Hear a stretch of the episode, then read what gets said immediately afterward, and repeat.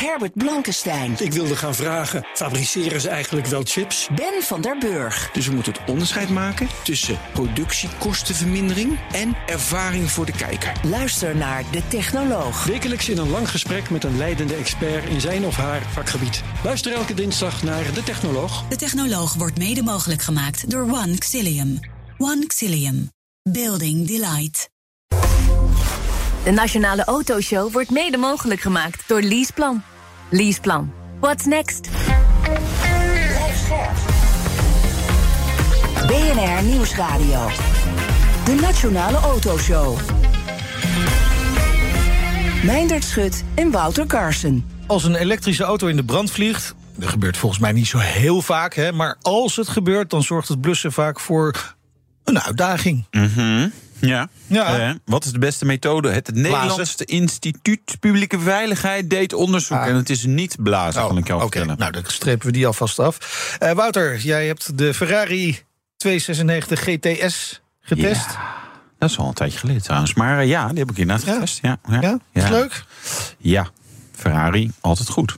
Ja? Ja. Vandaar dat je die mooie rode trui hebt Ja, aangetrokken. dat is eh, puur toeval. Ja. Dat wist ik eigenlijk niet Oh. vanochtend toen, eh, toen ik deze trui aantrok. Ik dacht meer gewoon van, ik moet gewoon even een statement maken. Ja. Ik weet nog niet waarover, maar ik, ik moet een statement maken. Dus een rode Nee. trui. Nou ja, Kunnen jullie allemaal met de webcam? Ja, misschien richting de waterschapsverkiezingen, provinciale statenverkiezingen. Oh, nee? nee, die politieke kleur heb ik was Nee, zelf het, wat het minder rood hè, Oh, moet dat je doen. ja, Ja, ja, ga stemmen. Maar Ja, goed, dat, dat is voor eh, straks. We spreken zo over de autoleasemarkt, maar eerst toch wel heet van de naald. Heet van, ja, Lightyear. Het, heet van de zon. Nou ja, het, het zijn echt cruciale uren, zo lijkt het, voor een eh, mogelijke doorstart van het bedrijf. Eh Arnoud Albersberg is een van de investeerders in Lightyear. Hij voert het eh, woord namens 200 particuliere geldschieters. Welkom in de uitzending. Ja, goedemiddag. Jullie hebben eh, vanochtend een gezamenlijk plan gepresenteerd hè, om Lightyear alsnog te redden. Kun je uitleggen wat het plan is? Nou ja, eigenlijk eh, is het eh, heel kort gezegd dat die Lightyear 2 er komt. Dus eh, het is natuurlijk heel eh, jammer dat natuurlijk een paar weken geleden eh, het doek viel voor de nul. En er zijn allerlei eh, gesprekken geweest eh, met, met eh, grote investeerders en eh, allerlei plannen uitgewerkt. Maar op een gegeven moment leek het er een beetje op dat de auto, de Lightyear 2, eh, van het toneel verdween. En eh, wij hebben als eh, investeerdersgroep eh, de we hebben zelfs een naam, hè, dus de Indi- Individual Investor Group, de IIG. Hartstikke mooi. Ja, Eh, goed. 200 mensen hebben gewoon dus eh, met industry experts inderdaad eh, ook aangeleverd een plan waarbij we zeggen van we gaan gewoon echt die, die auto over 18 maanden is er gewoon een rijdend prototype. We gaan dat lean en mean doen. Dat is de enige KPI. We gaan tech niet de boventoon laten vieren, maar we maken hem wel uniek en transitioneel. Wat natuurlijk ook gewoon de, de eerste gedachte achter de Lightyear is geweest.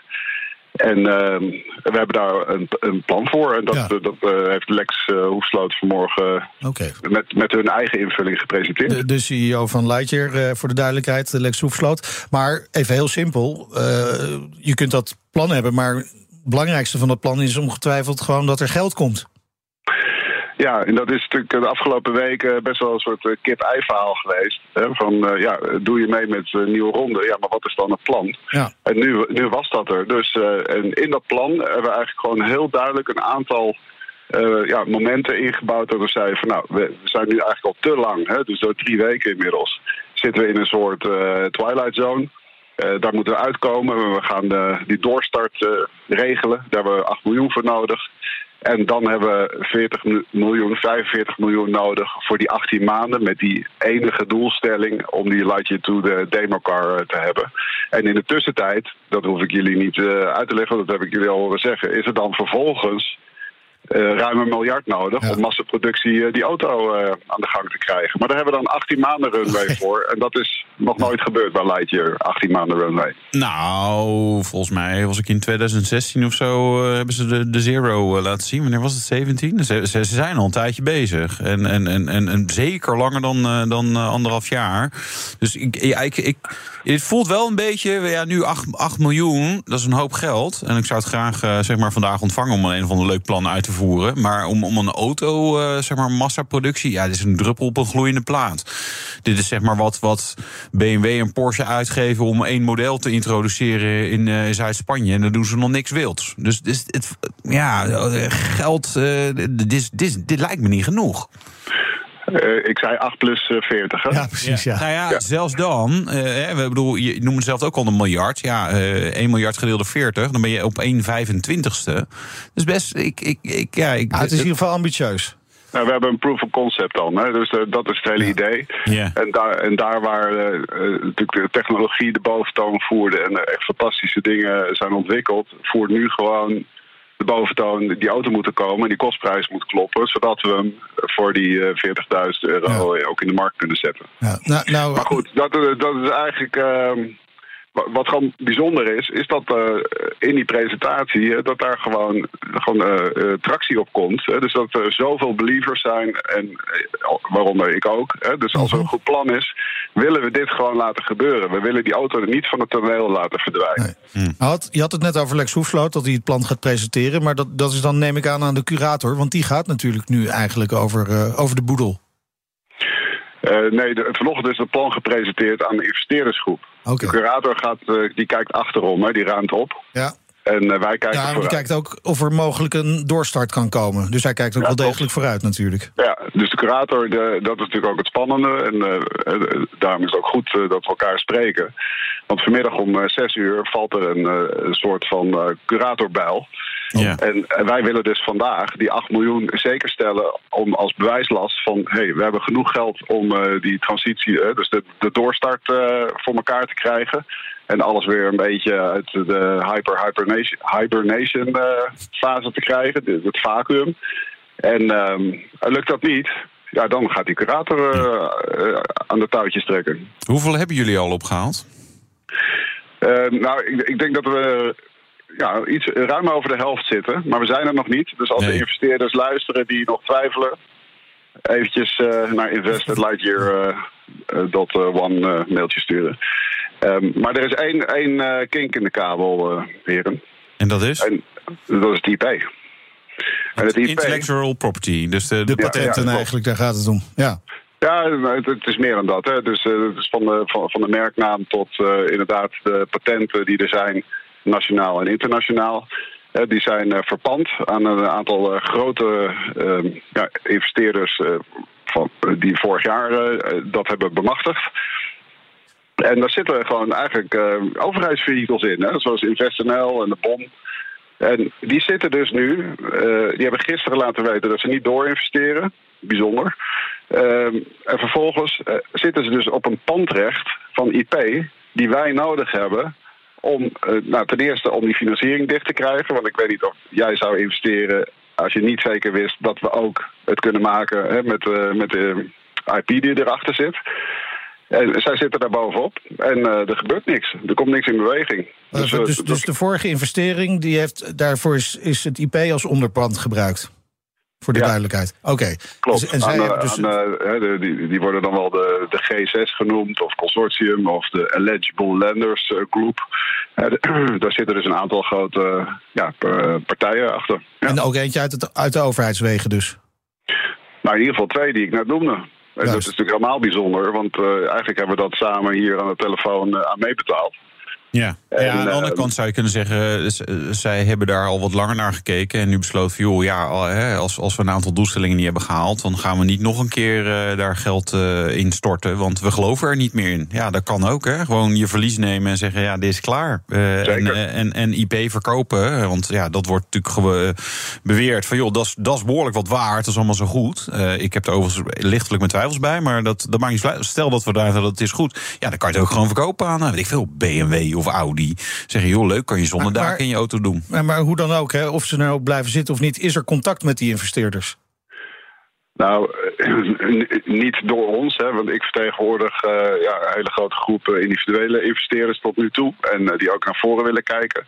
Dus dat contact dat vindt plaats tussen uh, ja, de board van Lightyear. Ja. Um, en en, en de, de gespreks, hoe noemen we dat? De, de spreekpersoon namens die groep. Ja. En de curator.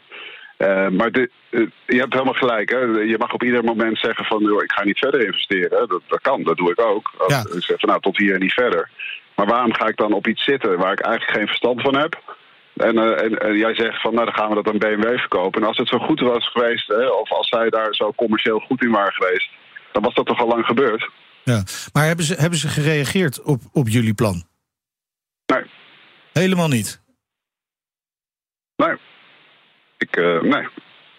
Gewoon niet. En uh, het is gewoon stil. Dus, uh, ik weet niet, ik begrijp het niet zo goed. Het werkt verlammend. Ik, ik kan er gewoon niet bij. Ja, en, en als jullie poging dan niet slaat, hè, want, uh, niet, niet slaagt, want jullie hebben nog een paar uur ja, te, te, gaan, dan is het gewoon klaar?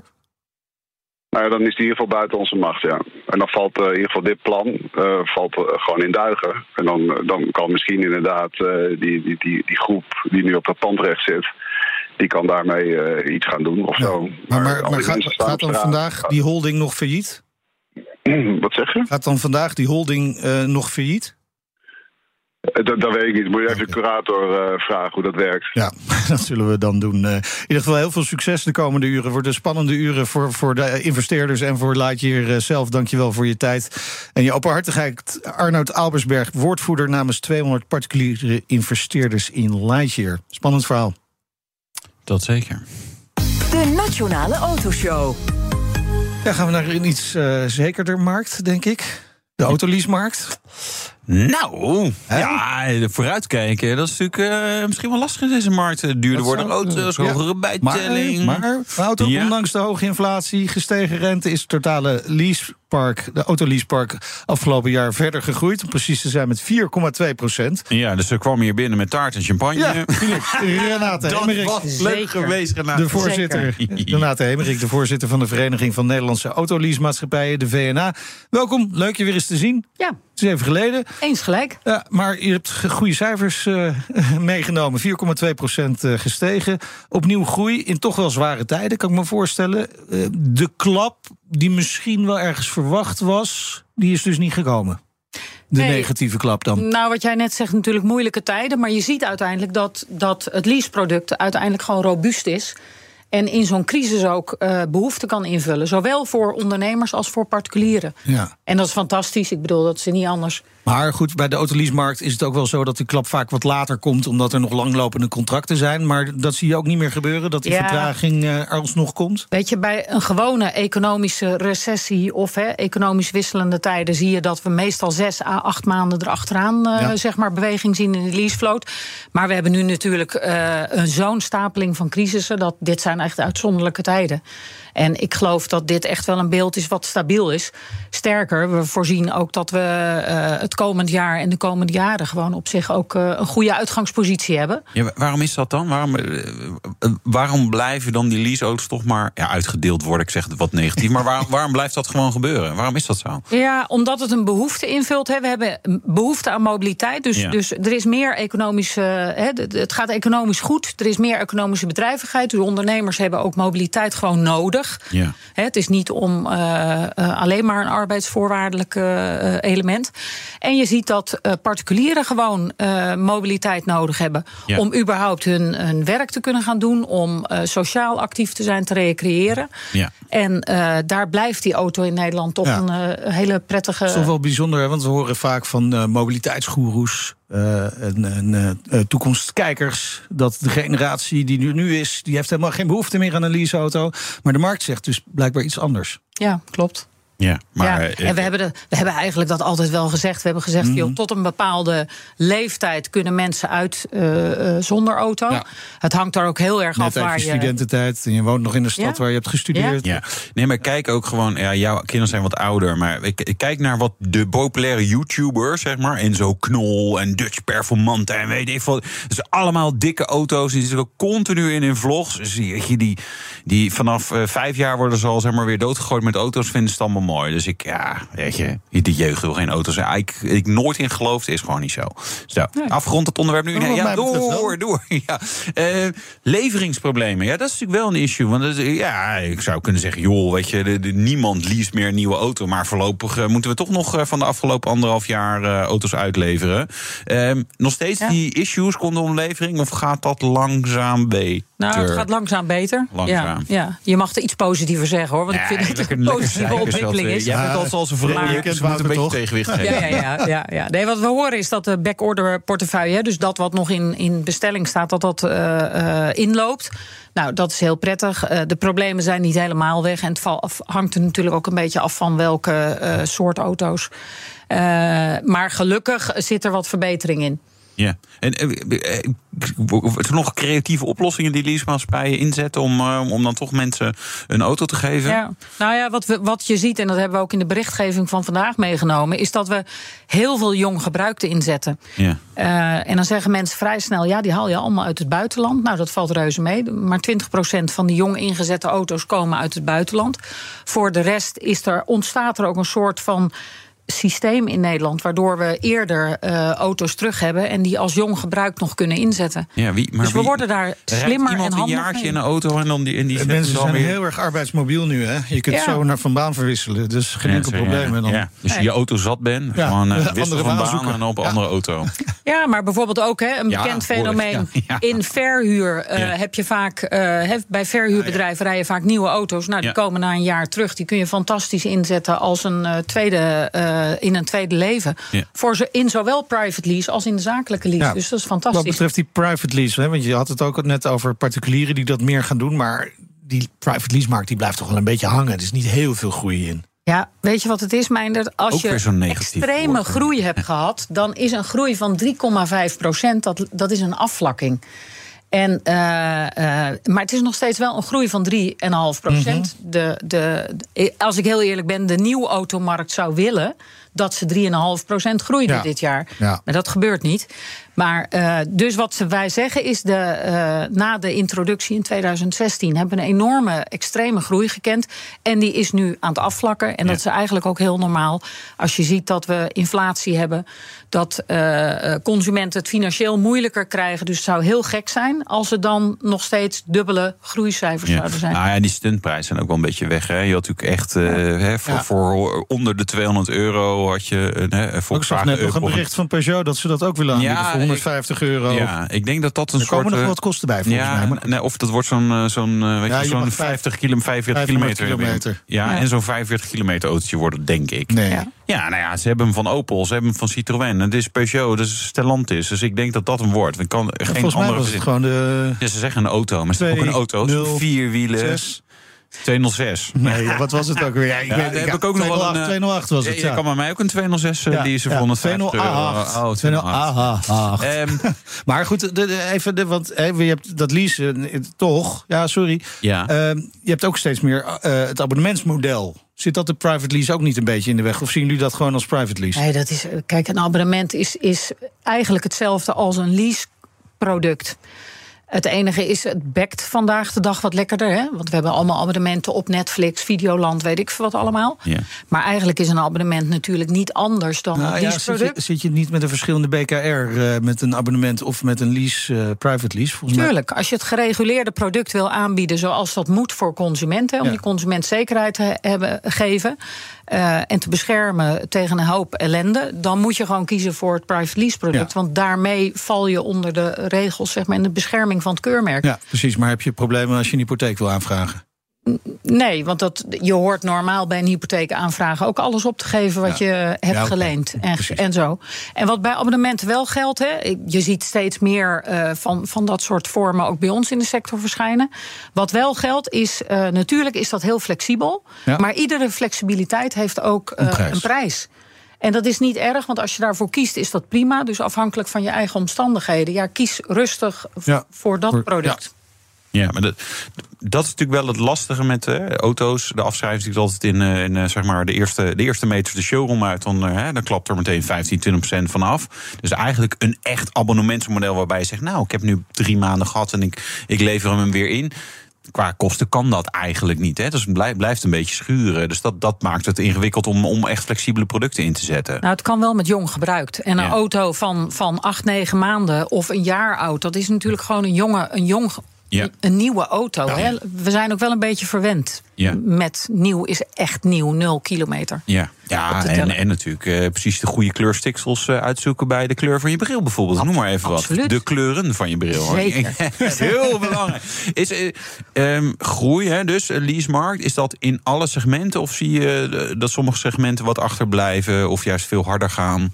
Nee, we zien het dit jaar in zowel de zakelijke personenauto's, private lease, als in bestelauto. Bestelauto trekt echt ook goed aan. Ehm, waar we ons wel heel erg zorgen over maken, is met name die elektri- elektrificatie. Hè. Zakelijk zie je echt dat de, elektri- de elektrische auto, dus de inzet van nieuwe elektrische Ja. auto's, stagneert. Ja. Dus dat is wel zorgelijk. Hoezo? Waarom is dat zorgelijk? Nou, omdat we met elkaar allemaal naar zero-emissie toe moeten. Eh, En uiteindelijk nu wel blijkt dat de stimulering, dus de voordelen van elektrisch gaan rijden, toch wel wat afnemen. Ja. En dat zie je ook gisteren in berichtgeving in Noorwegen. Eh, we zijn er nog lang niet in die transitie. en je hebt ja. voorlopig nog voordelen nodig om over te stappen op Ja. Ja. zo'n nieuwe. Het is niet heel erg verrassend, hè? Nee, ja, Noorwegen. Ik sprak Nee. de, de, de Noorse PR-manager van Porsche in de, de woestijn in Marokko. Ja, het wordt allemaal heel ingewikkeld. Nee, ze hebben Exotisch. daar. De, ja, je ook zo. Een erg blonde dame natuurlijk, eh, Noors en dan in Marokko. Maar goed, ehm, ze hebben daar de grens.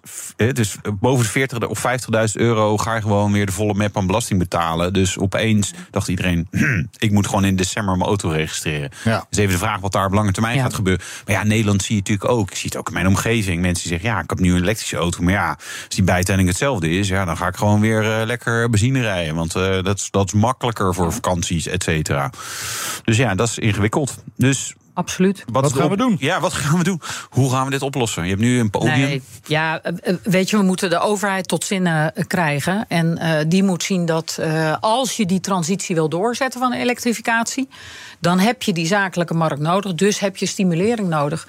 En dat is, dat is niet alleen in bijtellingen, want iedereen roept altijd: ja, dat gaat over zakelijk bereiders. Maar dat gaat ook over de subsidie voor particulieren. Maar, en dat gaat ook over de motorrijtuigenbelasting. Ja, nou, die En- is al nul voor elektrische Ah. auto's. Dus ja, dan Je- we- je- we- we- we gaan Ja, we- maar die wordt, afge- toe. die wordt afgebouwd. Ja, maar dit is heel erg de wortel. Je zou ook de stok kunnen gebruiken Ja, natuurlijk. precies. We zijn- Gewoon wij verplicht. Wil jij een leaseauto? Oh, nee, dan dan maar maar- elektrisch. Nou ja, dat is het vervelende. Dat er wat plannen zijn, eh, zeg maar, waaraan gewerkt wordt. eh, waarbij ze eigenlijk dus de stok willen pakken. Ja. Terwijl wij eigenlijk massaal zeggen, en er komt steeds meer steun voor ook. Joh, je hebt die wortel gewoon nodig. Dus je hebt een stukje stimulering nodig, omdat je anders ontwijkgedrag krijgt. Ja, wel vreemd hè, want al eh, iedere EV-rijder die ik spreek zegt, nou het is echt een walhalla, het is echt het allerbeste en die eh, snelladen valt allemaal wel mee. Maar op het moment dat de financiële voordelen wegvallen, dan is het opeens toch niet meer zo leuk. Ja.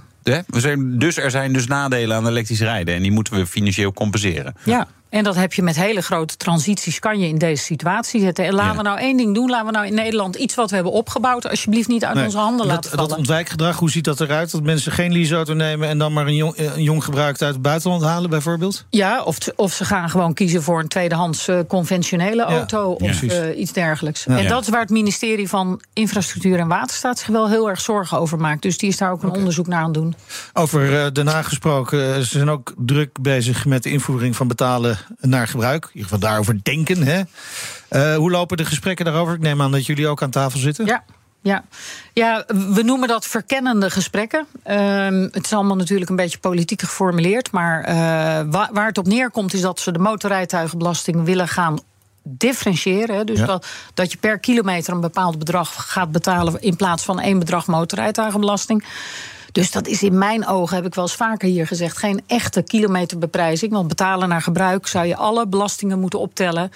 en verdisconteren in een tarief per kilometer.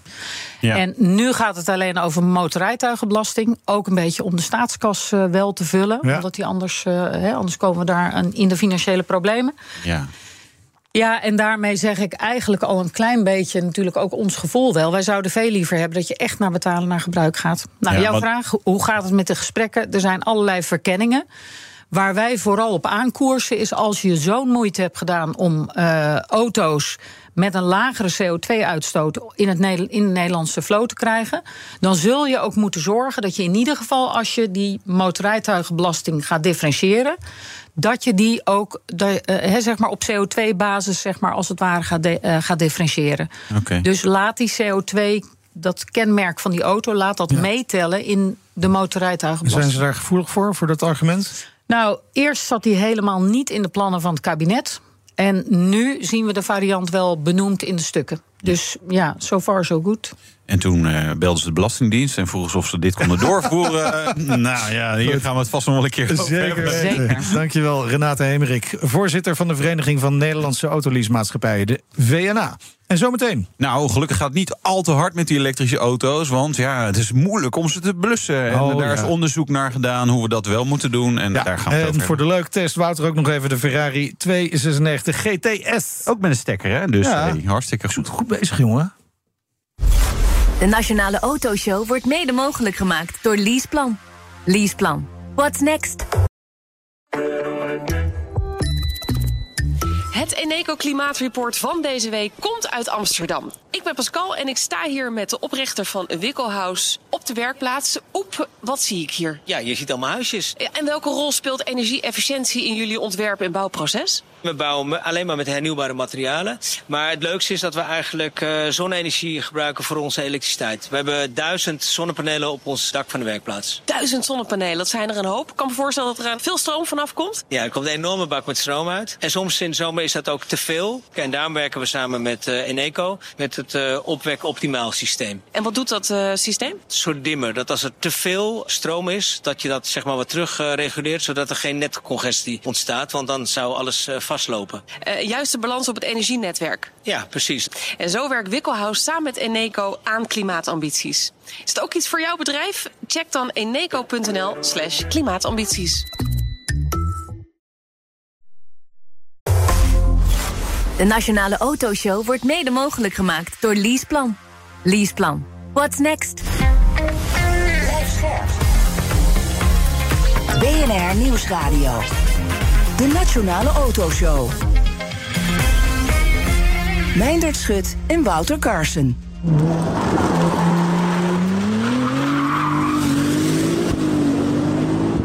Zo, dat was het voor dit half uur. Het geluid van de Ferrari 296 GTS. Plug-in hybride, supercar. Ja. Toch? Aan de tand gevoeld door ene W. Karsen. Zijn oordeel hoor je straks in de rijimpressie. Maar eerst. Het blussen van elektrische auto's. Ja, dat zorgt voor uitdaging. Om naar verschillende methodes goed in kaart te brengen, deed het Nederlands Instituut Publi- Publieke Veiligheid, jeetje, wat een moeilijk woord, eh, onderzoek. Valt wel mee hoor. Ja, het valt Probeer het nog maar een keer. Ja, publieke veiligheid. nee, het lukt gewoon in één keer. Goed zo. Niels eh, Rosmuller is lector energie en transportveiligheid bij het NIPV. Want je kunt het ook afkorten. Welkom, leuk dat je er bent. Dankjewel. Ehm dit onderwerp maakt altijd wel vrij veel los als we het hierover hebben in de Nationale Autoshow. Ehm en dan gaat het over het gevaar van eh, elektrische auto's als ze in brand vliegen. Nou is daar ook nog wel eens discussie over, over hoe vaak ze dat doen. Vliegen elektrische auto's nou vaker in brand dan auto's met een verbrandingsmotor? Nee, dat is niet zo.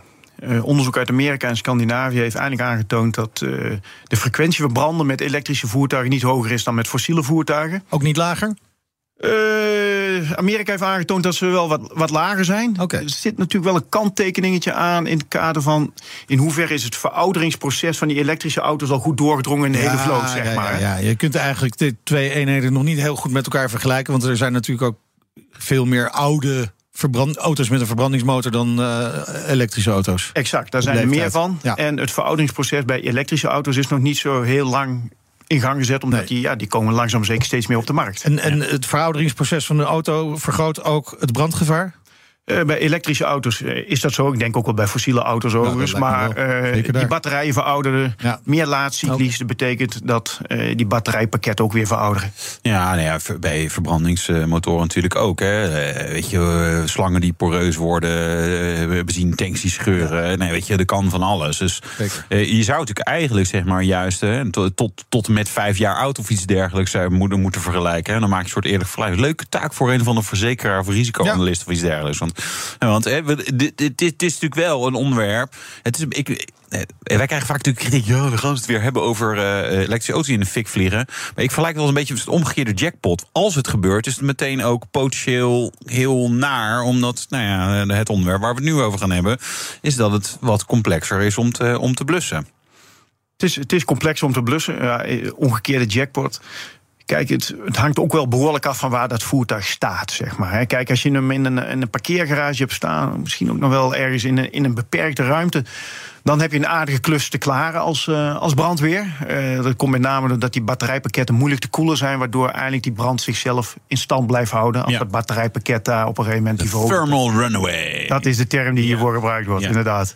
Ja, en dan, en dan, en dan steekt hij zichzelf feitelijk elke keer weer opnieuw aan. Zoals hij het een beetje als leek kunnen omschrijven. Ja, nou, ik denk dat je het mooi omschrijft. Ja. Zo'n kaarsje op een taart die maar niet uitgeblazen kan worden. Ja, precies. Zo, ah. Dat is heel vervelend als je als drie jaar ja. je, je, je kaars probeert. um, hoe lang kan het dan doorbranden? Nou ja, als je, als je uitgaat van een volledig opgeladen accu, state of charge, zeg maar, zo'n beetje 80, 90 procent, dan kan het dagen duren voordat die uitgereageerd is. Want binnen in dat batterijpakket blijft die reactie van die ontbrandende cellen zichzelf in stand houden, totdat er eigenlijk geen energie meer in het batterijpakket zit. Okay. En als die energie nou ja, tot aan zijn maximumcapaciteit is, dus die state of charge is echt hoog, ja, dan kan dat gewoon 24, 48 uur tot die zelfontbranding leiden. Dat is best lang.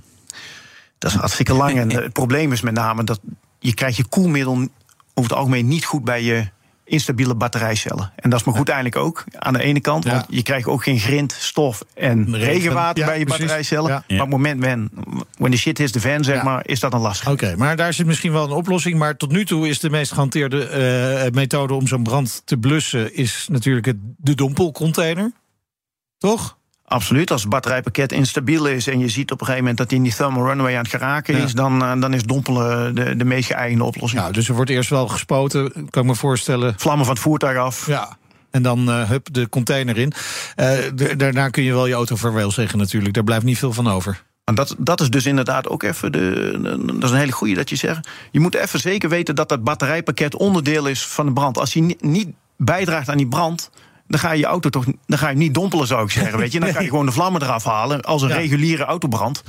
En uh, zorg dat die daarna gewoon weer afgevoerd wordt. Op het moment dat dat batterijpakket erbij betrokken is, ja, dan kom je bij grote koelopgaven voor de brandweer. Ja, maar hoe bepaal je dat? Ja, ja. ja, ja, ja, moet toch iemand even kijken. Ik zou, als ik brandweerman zou zijn of brandweervrouw, zou ik gewoon denken: Nou, weet je wat? Dit is mijn auto niet. Zo is dat. De container in het ding. Ja, maar dat, dat, dat is wel een, wel een goede. En aan de andere kant heb je misschien daar ook wel zoiets van: is het wel proportioneel om elke brandende elektrische voertuig die container in te gooien. Want je veroorzaakt daarna ook wel wat nevenschade. Mocht het blijken dat die batterij daar niet bij betrokken was. Dus uh, je, je, kan kijken naar, naar brandpatronen, rookontwikkelingen. Wat is de kleur van de rook? Oké. Eventueel, maar dat kan je nog zien aan hitteontwikkeling onder de motorkap. Of die batterij betrokken is.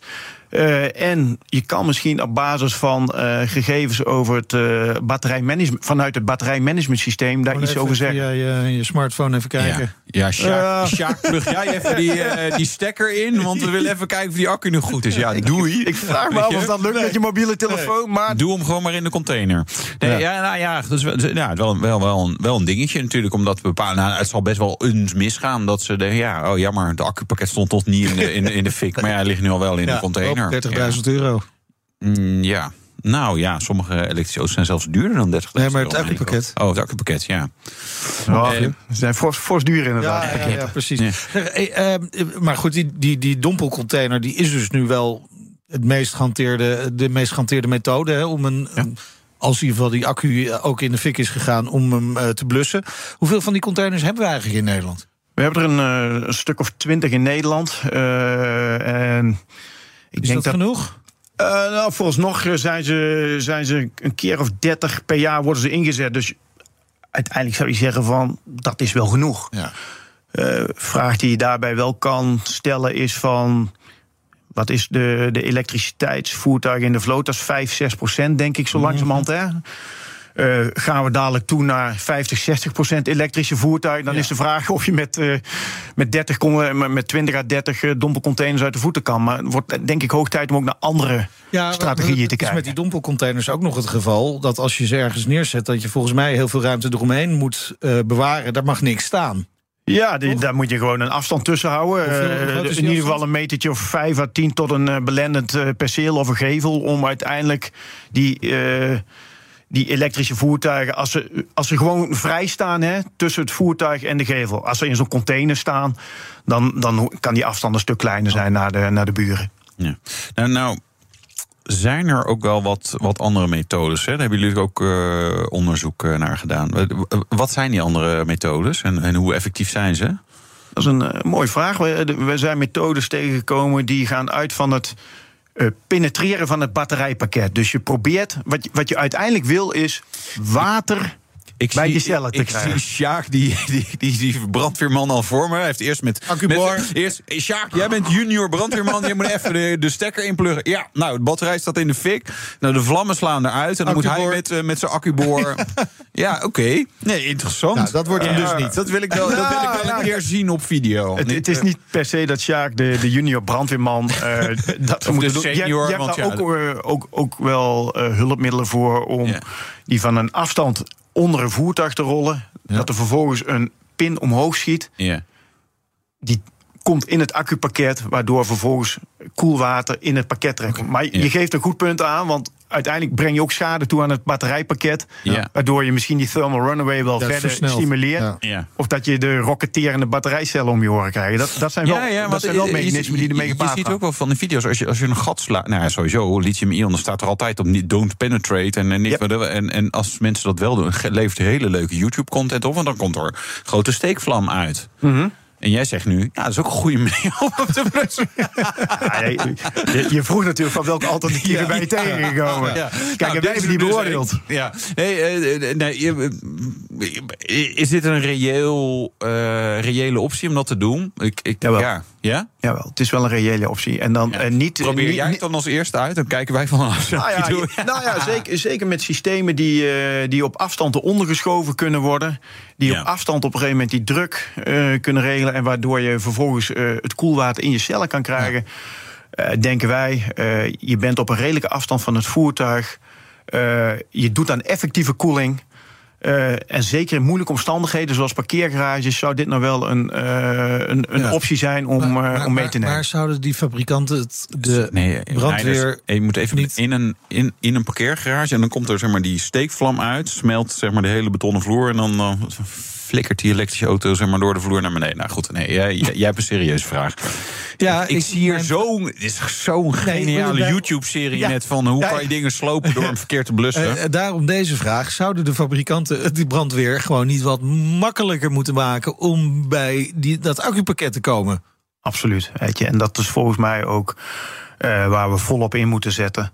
Eh eindelijk wil je een, een soort vulopening in je, in je auto hebben. Waardoor je als brandweer daar je slang op kan zetten. Waardoor gewoon water tot in het batterijpakket gevoegd kan worden. Waardoor je effectieve koeling hebt. Eh, een veilige omgeving voor de brandweer. Ja. En gewoon een hele korte tijd waarmee je zeg maar, een incidentbestrijding doet. In plaats van dat je dagen aan het koelen bent. Heel eerlijk, dan zijn er wel een paar merken waar ik niet meer in een elektrische auto durf te stappen als ze zo'n optie op. Ja, serieus. Nee, we maken een opening en dat. Ja, dat hebben we helemaal doordacht, maar net niet helemaal goed. Nee, nee, dit is best tricky ook, want je wil het juist helemaal dicht. En dan zeg je, ja, we moeten ergens een opening, want ja, daar moet water in. En water en stroom, ja, dat was toch iets mee, schijnt. Ja, dat, dat, dat is over het algemeen een slechte combinatie. Maar eh, 24 uur een auto instabiel hebben, dat is, dat is ook niet wat Nee. je wil. Precies. Ja. Maar je Ja, kunt, je kunt er natuurlijk wel een standaard van maken. Hè, die gewoon voor al die fabrikanten geldt. En dan kun je dat zelfs bij de fabrikanten waar jij op bedoelt, eh, Wouter, kun je dat misschien wel goed regelen. Eh, recent was in het nieuws ook een soort blusdeken hè, voor elektrische auto's. Die we ook gewoon kennen van, eh, van thuis misschien wel. En als je gasfornuis eh de vlam vat en je Ja. verdekentje eroverheen. Geen zuurstof erbij, brandje geblust. Is dat een goede optie? Is een optie. Wij, wij, eh, in onze beoordeling vinden we, vinden we hem niet zo heel goed. Er zitten een aantal eh, facetten aan die blusdeken waarom wij zeggen. eh, is niet optimaal. Eh eerste is. de blusdeken koelt niet. Dus Dus die eerst even de- runaway Ja. die blijft doorgaan. Het enige wat een blusdeken doet is zorgen dat er minder zuurstof bij komt en eventueel toxische gassen beperkt blijven tot binnen Ja. die blusdeken. Ja. Kan je zelfs nog afvragen van hoop, doe je daar niet aan gasophopening, waardoor je eindelijk misschien wel weer een extra gevaarlijke situatie creëert. En het aanbrengen van de blusdeken. Je hebt twee, soms drie mensen nodig om nou ja, dicht langs je auto te lopen, de deken eroverheen te doen, hem goed in te stoppen. Eh, dat vinden wij te riskant. Ja. En eh, eigenlijk negatieve aspecten van de blusdeken. Ja, precies. Ik begrijp op Noorse ferries doen ze dat al, hè, geloof ik. Ja, of, of daar worden zelfs nou, elektrische auto's ja, geweigerd zijn, inmiddels. eh, Noord, ja, Noorwegen ja, notabene. Ja, Noorwegen notabene. Nee, en, en op, op de transportboot, zeg maar, voor hè, nieuwe auto's. En daar is natuurlijk ook wel een incidentje mee geweest. Die zeiden van, joh, nou ja, doe maar gewoon zo'n blusdeken. Het voordeel van een blusdeken is, het, het- Snel. ik kan hem meenemen. En een container vol met water, dat, ja, die til ik niet even op, zeg maar. Dus ja, eh, dat is het voordeel. Maar ik zeg er, er zitten voordelen aan. Eh, Je kan voorkomen dat die brand verder uitbreidt.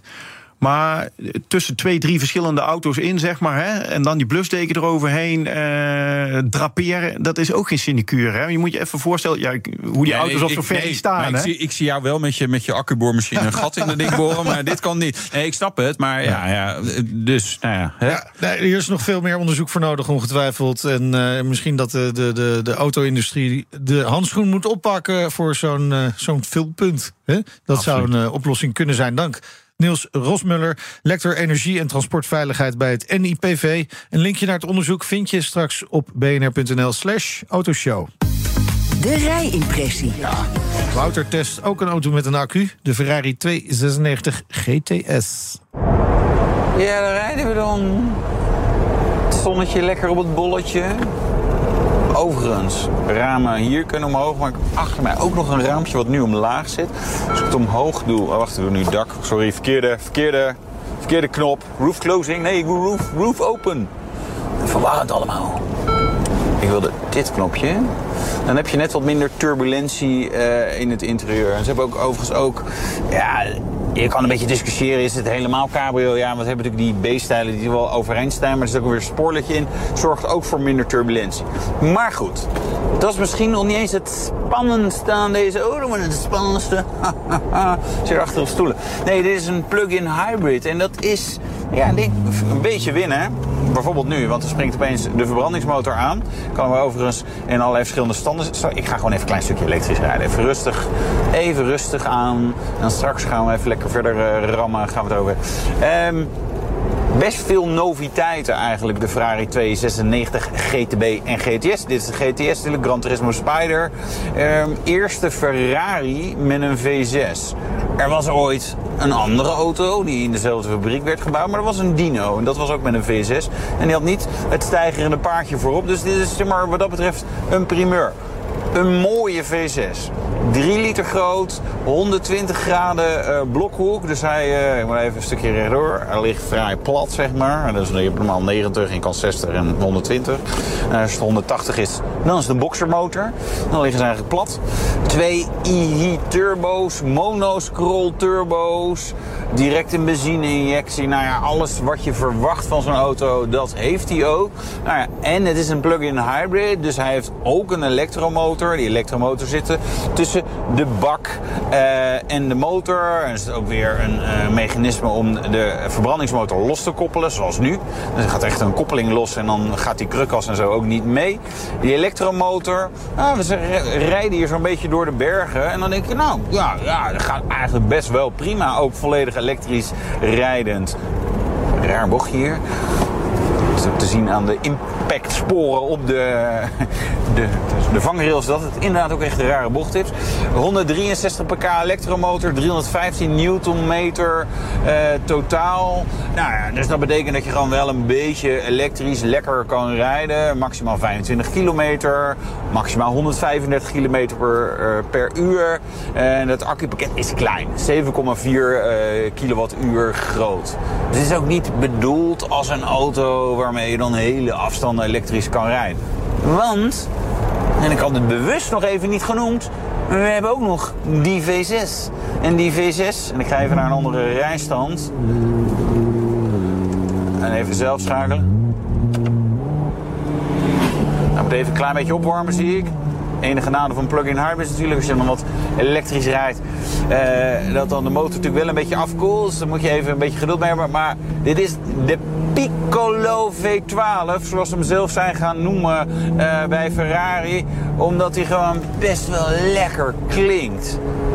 Niet zo gaaf als die atmosferische V12 die we nog in de 812 en consorten terugvinden. Maar het is echt wel een lekker blok. En dat Ja, een aantal dingen. Het heeft altijd met de firing order te maken. Die doen we hier wel onder in beeld, want ik vergeet nu weer wat de volgorde is. Maar het maakt ook niet zoveel uit. Maar ook vooral met het uitlaattraject.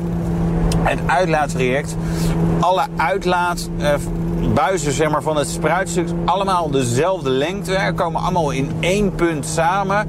En gaan dan zeg maar, door de achterpumper naar buiten. En vooral die exact dezelfde lengte zorgt er gewoon voor dit echt geniaal klinkt. Luister maar.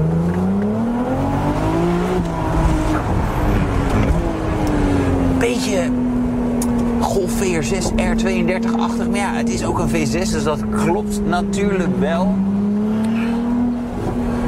En die 3 liter V6, die levert, hou je vast, 221 pk per liter. Dat betekent 663 pk. Die 221 pk per liter, dat is een record voor productieauto's. Dat is ook echt veel. 740 Nm aan koppel. Ja, en dan hadden die elektrische motor nog, hè? Hadden we het ook over gehad. Totaal 830 pk. Ziek, ziek, ziek snel. Echt ziek snel. Echt zo snel dat het je echt wel in problemen kan brengen. Dat je denkt, oh, ik haal hier even door, want het is een redelijk ruime bocht. En je hoort het misschien ook aan het windgeruis. Het, het, je zit zo snel op, op snelheden die eerder met een 2 beginnen dan met een 1. En dan komt er een bocht. En dan heeft hij echt goede remmen. Carbon keramische remmen die uh, 8% beter zijn dan de F8 Tributo. Zo'n kortere remweg. Maar ah, het gaat echt hard. Echt hard. De Ferrari 296 GTS, heftig apparaatje. Zeker, ja, ja. Geen enkele ondernemer wil zich laten tegenhouden door software. U bent ambitieus en wilt groeien. Codeless vernieuwt, bouwt en onderhoudt software die altijd perfect aansluit op uw unieke bedrijfsprocessen. Zodat u de beste software heeft voor uw bedrijf en ambities. Nu, morgen en over 30 jaar. Kijk op slimsoftwarenabouwen.nl